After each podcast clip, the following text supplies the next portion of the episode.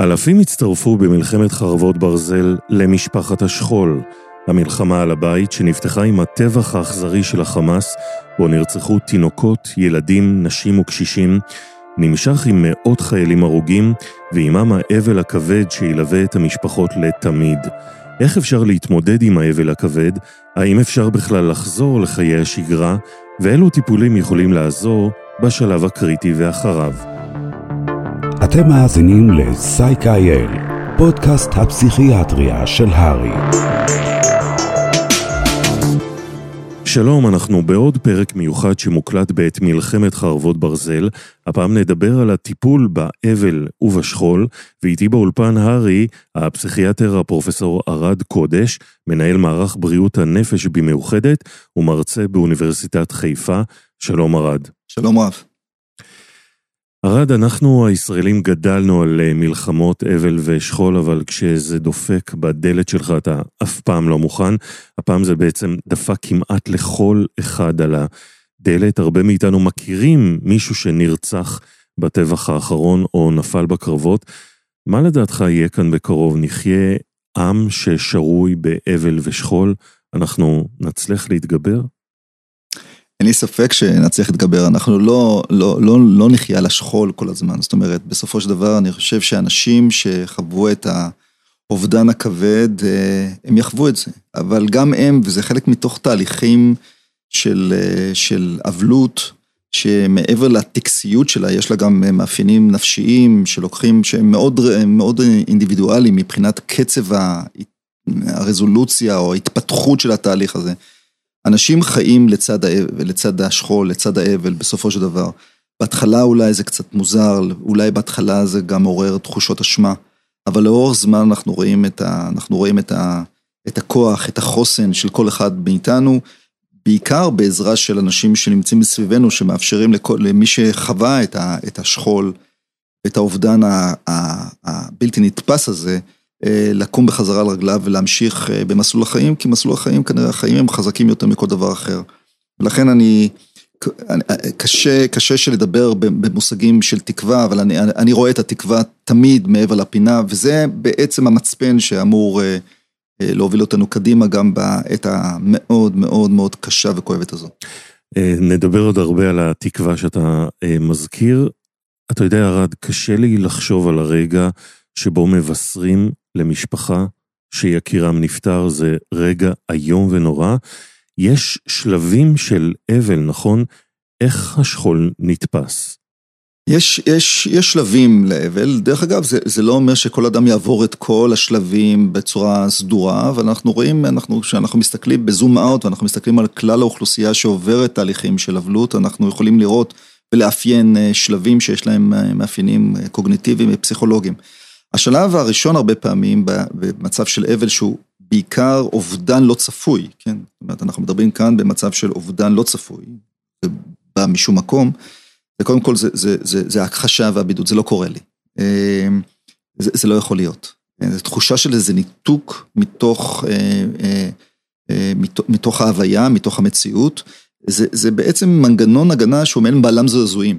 הרבה ממשפחות הנרצחים עדיין אומרות שהן לא קלטו לחלוטין. נכון, נכון. זה, זה בדיוק, אתה יודע, זה כמו מערכת שבולם זעזועים, זה, זה משהו שמרחיק קצת אה, את האירוע הקשה מה, מ, מ, בעצם מהתובנה אה, וההכרה ב, ב... הייתי אומר, בסופיות של האירוע.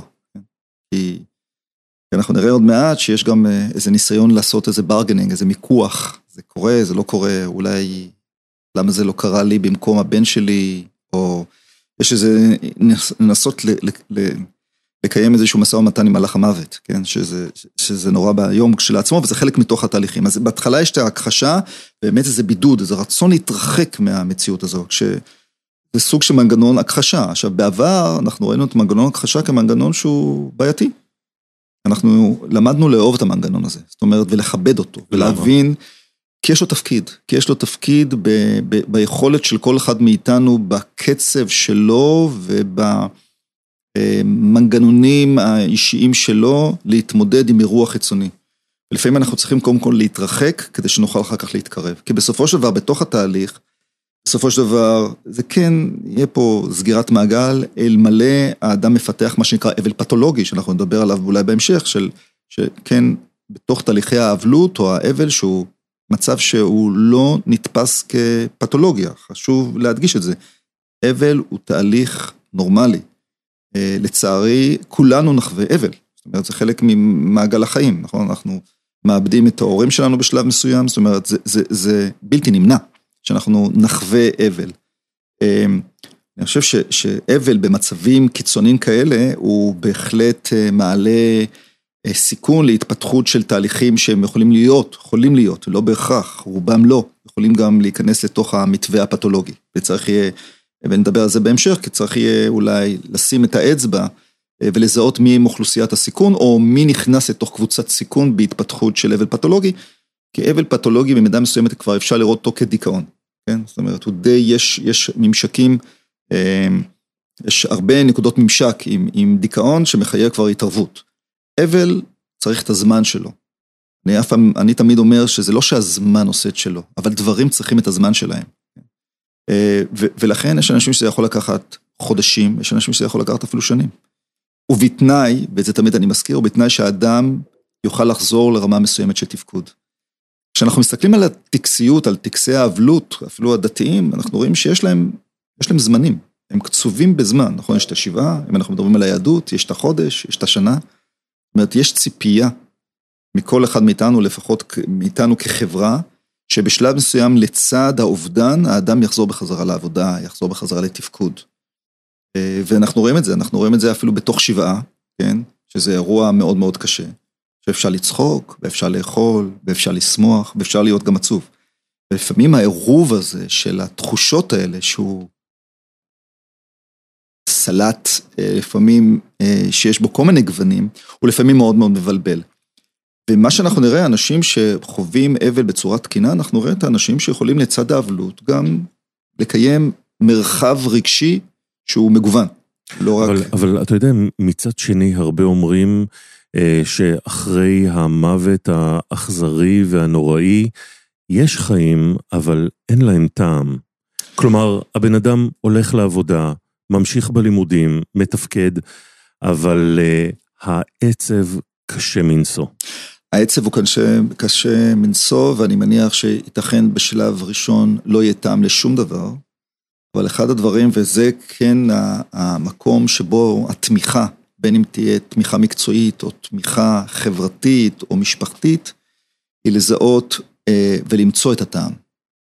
זה, זה אתגר, זה אתגר אה, לא פשוט, לבוא ו, ולבנות משהו על ההריסות. אבל לדוגמה, שאם אה, משפחה איבדה את אחד מהבנים ויש עוד ילדים, אז יש בשביל מה לחיות. דרך אגב, אחת הדרכים בעצם בהתמודדות עם החרדה זה עצם ההנצחה, אבל ההנצחה היא לא רק במובן הקונקרטי של להקים גלעד או להפוך את החדר למוזיאון, אלא הנצחה הפנימית. לבוא ולה, ולהזכיר לעצמי שעצב חיי היא בעצם מנציחה את זה שאבד, או זה ש, ש, שנעלם, שנרצח. אה, זה, זה, זה דורש, זה דורש את הזמן כדי להיכנס לתוך התהליך הזה, וצ, וצריך לזכור, ולא צריך להאיץ בתהליכים, הם לוקחים את הזמן. זה, זה עוזר ההנצחה הזאת?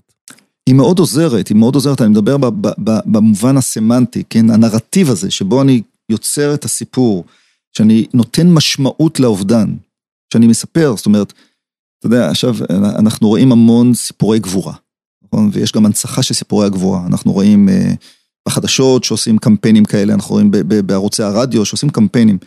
המטרה שלהם מעבר כמובן לכבד את הנפטר, הוא, הוא, הוא לתת משמעות למשפחה. כשאתה יוצר משמעות, או שאתה יכול לספר איך האדם עשה פעולה שהיא פעולה שהצילה מישהו אחר, או איך הוא נאבק שעות ארוכות כדי להציל אה, חיים של אחר, או איך הוא העביר מסרון כדי להעביר מידע. והוא בסופו של דבר גם נרצח. עצם הידיעה שיש פה, פה משמעות בתוך תהליך האובדן, הוא, הוא, הוא אחד הדברים המשמעותיים שעוזרים אה, לתהליכי האבלות והקבלה של האובדן. והרבה פעמים הם גם יכולים לנבא אפשרות להשתקם, או להשתקם מעל ההריסות, מעבר להריסות האלה. אז, אז זה, זה חלק מהתפקיד גם של המדיה, אפרופו, וגם של האדם עצמו, להחזיר ולתת משמעות, ולא להגיד, הוא, הוא מת לשווא, כן? למרות שאנחנו מבינים ש, ש, שכל הטרגדיה הזו היא, היא, אין לה היגיון, נכון? אין לה היגיון, זה, זה, זה, זה, זה רצח אה, לשם הרצח. אה, ועדיין בתוך הסיפור האישי שלי, כדי להתמודד עם האובדן שלי, אני צריך לספר לעצמי סיפור. סיפור שהוא לא מופרך, אבל הוא מחובר לאיזה שהם נרטיבים ומידע שהוא באמת היה קיים. אני זה אומר האבל. אני זה האבל. אני זה שעבד, ש, ש, שנאלץ להתמודד עם, עם האובדן. אז התחלנו לדבר על השלב של ההכחשה והכעס, ולאחר מכן יש איזשהו מיקוח, ואחר כך יש את הדיכאון. הדיכאון לא במובן הקליני, אלא העצבות, ההבנה שזה לא יחזור. שהאובדן, כמה שאני ארצה להתמקח, אני לא יכול לשנות את הגורל. ובסופו של דבר יש את תהליך הקבלה. תהליך הקבלה זה התהליך שסוגר בעצם, עוטף, והופך את האבן הזו, את האבן אה, שנמצאת בחומה שפתאום הוסרה, היא במקום להיות בחוץ, אני מכניס אותה פנימה. זאת אומרת, מעכשיו אני אזכור, הזיכרון הוא פנימי. עכשיו, אנחנו לא יכולים להחזיק זיכרון מלא. זאת אומרת, יש אחד הקשיים זה שפתאום אנחנו לא יכולים לשחזר את הקול שלו, או את הריח. אה, הרבה פעמים דברים עובדים לאור זמן, ולכן תהליך האבלות הוא תהליך של לאבד גם את היכולת לזכור דברים מסוימים. אני זוכר את המראה, אני זוכר מה הוא אמר, אני זוכר את ההוויה שלו. אבל יש אה, רצון, ולכן הרבה פעמים אנחנו רואים אנשים שנאחזים לומר, לא מחליפים את הציפה בכרית כדי להריח את הריח, או את הבגדים בארון כדי להריח את הריח. אה, שזה גם כן, שזה נורמלי לחלוטין. אה, תופעה כזו היא נורמלית. מתי היא מפסיקה להיות נורמלית? כאשר בעצם כל ההתנהלות של אדם הופכת, בעצם נרתמת מהבוקר ועד הערב, רק לצורך הזיכרון עצמו. מבלי שהאדם מפנה את עצמו גם לרבדים אחרים של החיים שלו.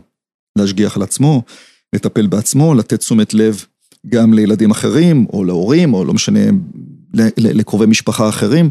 זה חלק מהתהליך הטבעי שכמו שאמרתי הרבה פעמים, בתוך הדיון של האבל עם המציאות, יוצר איזה דיסוננס כזה, איך אני יכול להמשיך כשהבן שלי הפסיק את חייו, איך אני יכול להמשיך בכלל? וה, והתשובות האלה, השאלות האלה, חשוב שהם לא יישארו עם סימן שאלה מהדהד, אלא שאני אמצא תשובות.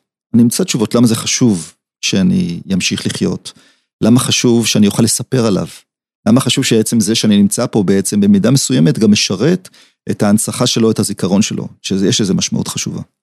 אז איך בכל זאת הם מצליחים לחיות עם הכאב הגדול הזה, ומתי איש מקצוע, רופא משפחה, פסיכיאטר, פסיכולוג, צריך להיכנס לתמונה?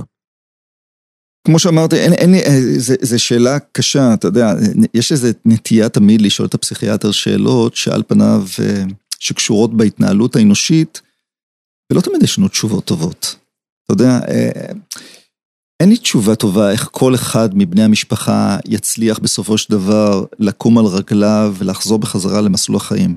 לא, לקום אולי זה החלק הפחות קשה, יותר קשה אולי, זה לחיות חיים שלמים עם כאב עצום שמלווה אותך כל דקה. הכאב הזה, אה, שאתה בטח מכיר מהניסיון שלך בטיפול באנשים שסובלים מדיכאון, הוא ממש כואב גם פיזית. אין ספק שהוא כואב פיזית, אבל הכאב לא נשמר שם כל הזמן. הנקודות האלה, אותם רגעים, רגעים ארוכים אני מקווה, של הפוגה מהכאב, הם ילכו עם הזמן וילכו ויתרחבו. זה חלק מהתהליך. תהליך שבהתחלה זה באמת, זה, זה תופס את כל הנפח, אתה לא יכול להסיח את הדעת מ... מלהמתין שהוא ינקוש בדלת ויגיע. אתה לא, אתה, אתה לא יכול. ו, ו, ולאט לאט אתה, זה תהליך הקבלה.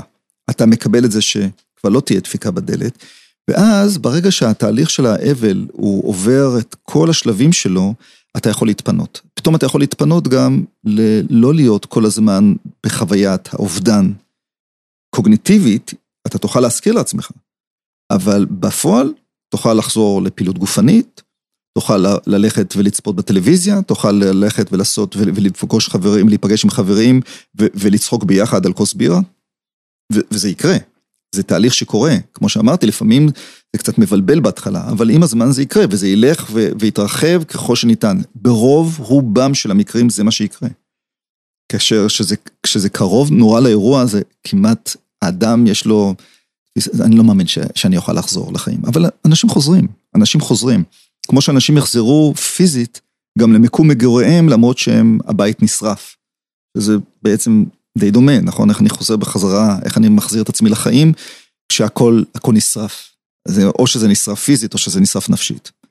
אבל, צריך לזכור, שחלק, חלק קטן מהאנשים יכולים להיכנס למסלול שהוא מסלול פתולוגי. ששם בעצם האדם לא מצליח לקבל, שהקבלה היא לא, לא מתהווה. שיש עדיין את המיקוח הבלתי פוסק, של לפעמים זו חוויה שאני, בהתחלה היא נורמלית, יכולה להימשך גם חודשים ולפעמים אפילו יותר מזה, של אני, מני שמעתי אותו, כן? שאני אני, אני שומע אותו, את, את המת, כן? או אני מרגיש את הנוכחות שלו, שיכולה להיות מאוד נורמלית בשלב הראשון. זה כמו פנטום, בהתחלה, כמו כאב פנטום.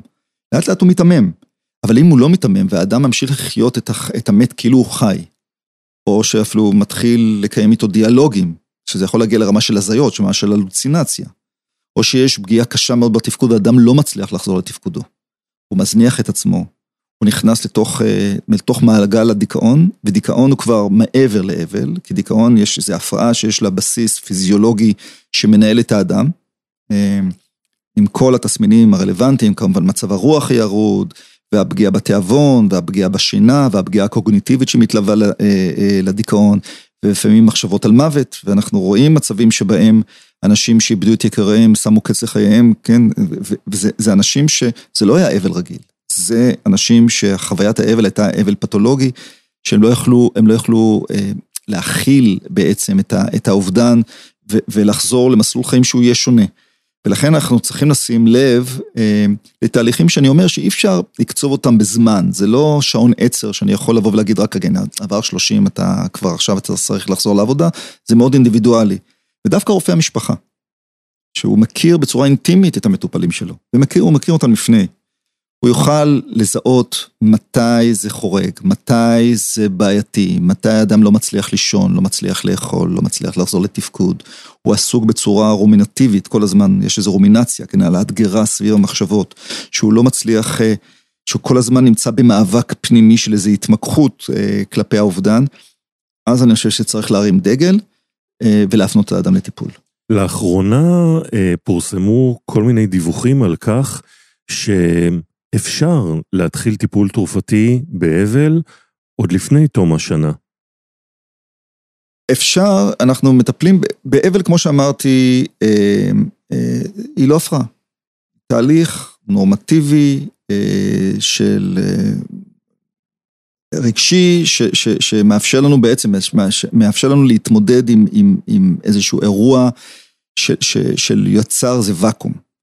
זה כן אנחנו באים ואומרים שאם יש הפרעת שינה נאמר במהלך האבלות, ויכול להיות אה, במהלך האבל הפרעת שינה, אנחנו כן יכולים לפעמים להיעזר בתרופות שינה, ושוב, קצובות בזמן. מכיוון שאסור לנו לתייג את התהליך הזה כתהליך פתולוגי. אדם שנמצא באבל, המסר זה צפוי. מה שאתה חווה זה חוויה נורמלית. הרבה אנשים שעברו את החוויה הזו כמוך, חווים בדיוק את אותו דבר, עוברים את אותו תהליך. זה בסדר, זה כואב, זה קשה, אבל זה נורמלי. לחבק את זה, זאת אומרת, אל תיבהל מהדבר הזה. ולכן, כשמשהו נורמלי, אנחנו לא מטפלים. כאשר אדם מצליח, לא מצליח להירדם, זה לילה אחר לילה, אז אנחנו כן עוזרים לו לפעמים כדי לקטוע את הרציפות הזו. אנחנו לא מטפלים טיפול תרופתי באבל. אנחנו מטפלים בטיפול תרופתי כאשר האבל נכנס לתוך נתיב של דיכאון, ולפעמים קשה מאוד להבדיל ביניהם בשלבים המאוחרים יותר, זאת אומרת, איך אני יודע, כי יש עצבות, וכמו שאמרנו, ויש יכול להיות בהתחלה הפרעות בשינה, ויכול להיות בהתחלה גם ירידה בתיאבון, אבל אלה... וייאוש וחוסר נכון, תקווה. אבל אלה חולפים יחסית מהר, זאת אומרת, אה, אנחנו רואים שאנשים מצליחים לאכול וחוזרים לישון, זאת אומרת, הם, הם, הם די עוברים די מהר. כשאנחנו רואים שזה מתקבע, אז אנחנו צריכים להבין שהתלבש על האבל תהליך נוסף, הוא החלק הפתולוגי ובואו נטפל. בדיכאון או באבל פתולוגי, בין אם יש לו מאפיינים פסיכוטיים ובין אם לא, אנחנו מטפלים כמו דיכאון. אנחנו משתמשים בתכשירים נוגדי דיכאון, אנחנו יכולים לשלב איזה גם תרופות נוגדות פסיכוזה באם יש צורך. היום אנחנו משתמשים בתרופות נוגדות פסיכוזה במינון נמוך, בטיפים הרבה פעמים כדי לעשות אוגמנטציה, לפעמים לטיפולים אה, נוגדי דיכאון. ובמצבים מסוימים אפשר להשתמש בבנזודיאזפינים ושוב לתקופה קצובה מוגדרת מראש. כדאי לזכור גם שהפעם אנחנו מדברים על אבל מסוג אחר, של טבח נוראי האכזרי ביותר שהעם היהודי ידע אה, בתולדותיו, משפחות אה, ששומעות שיקירם נרצח באכזריות נוראית ולמעשה לא נשארו ממנו הרבה שרידים והיה צריך להמתין שבועות לזיהוי של הגופה. באמת סיפורים קטסטרופליים. אה, ההתמודדות הצפויה שלהם תהיה דומה לכל אבל? שאלה קשה. האבל, צריך לזכור שתמיד האבל הוא סיפור אישי בסופו של דבר, זה לא סיפור לאומי.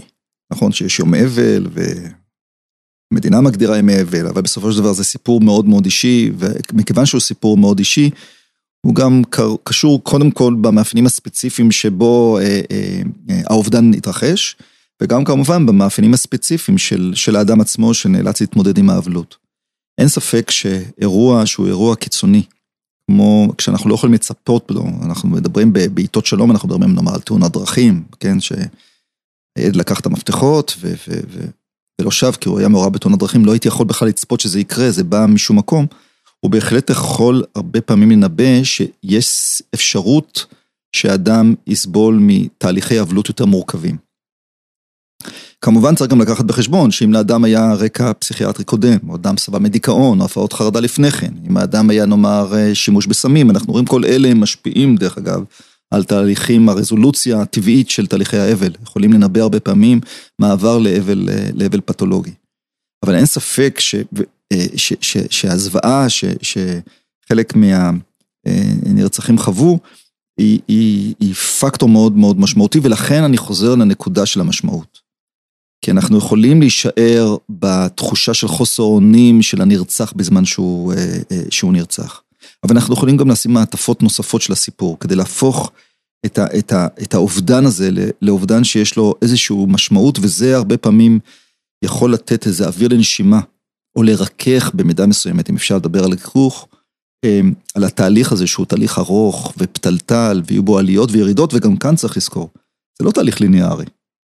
הוא יכול להתפתח בתהליך אה, של איזה הקלה ופתאום נפילה נוספת, או נפילה נוספת ביום הזיכרון של, או שמשהו הזכיר לי את, זה תהליכים כמו של מסור כזה, שמתפתחים עם הזמן, וגם זה לא צריך להיבהל, הרבה פעמים אנשים נבהלים כאילו הם נסוגו, לא.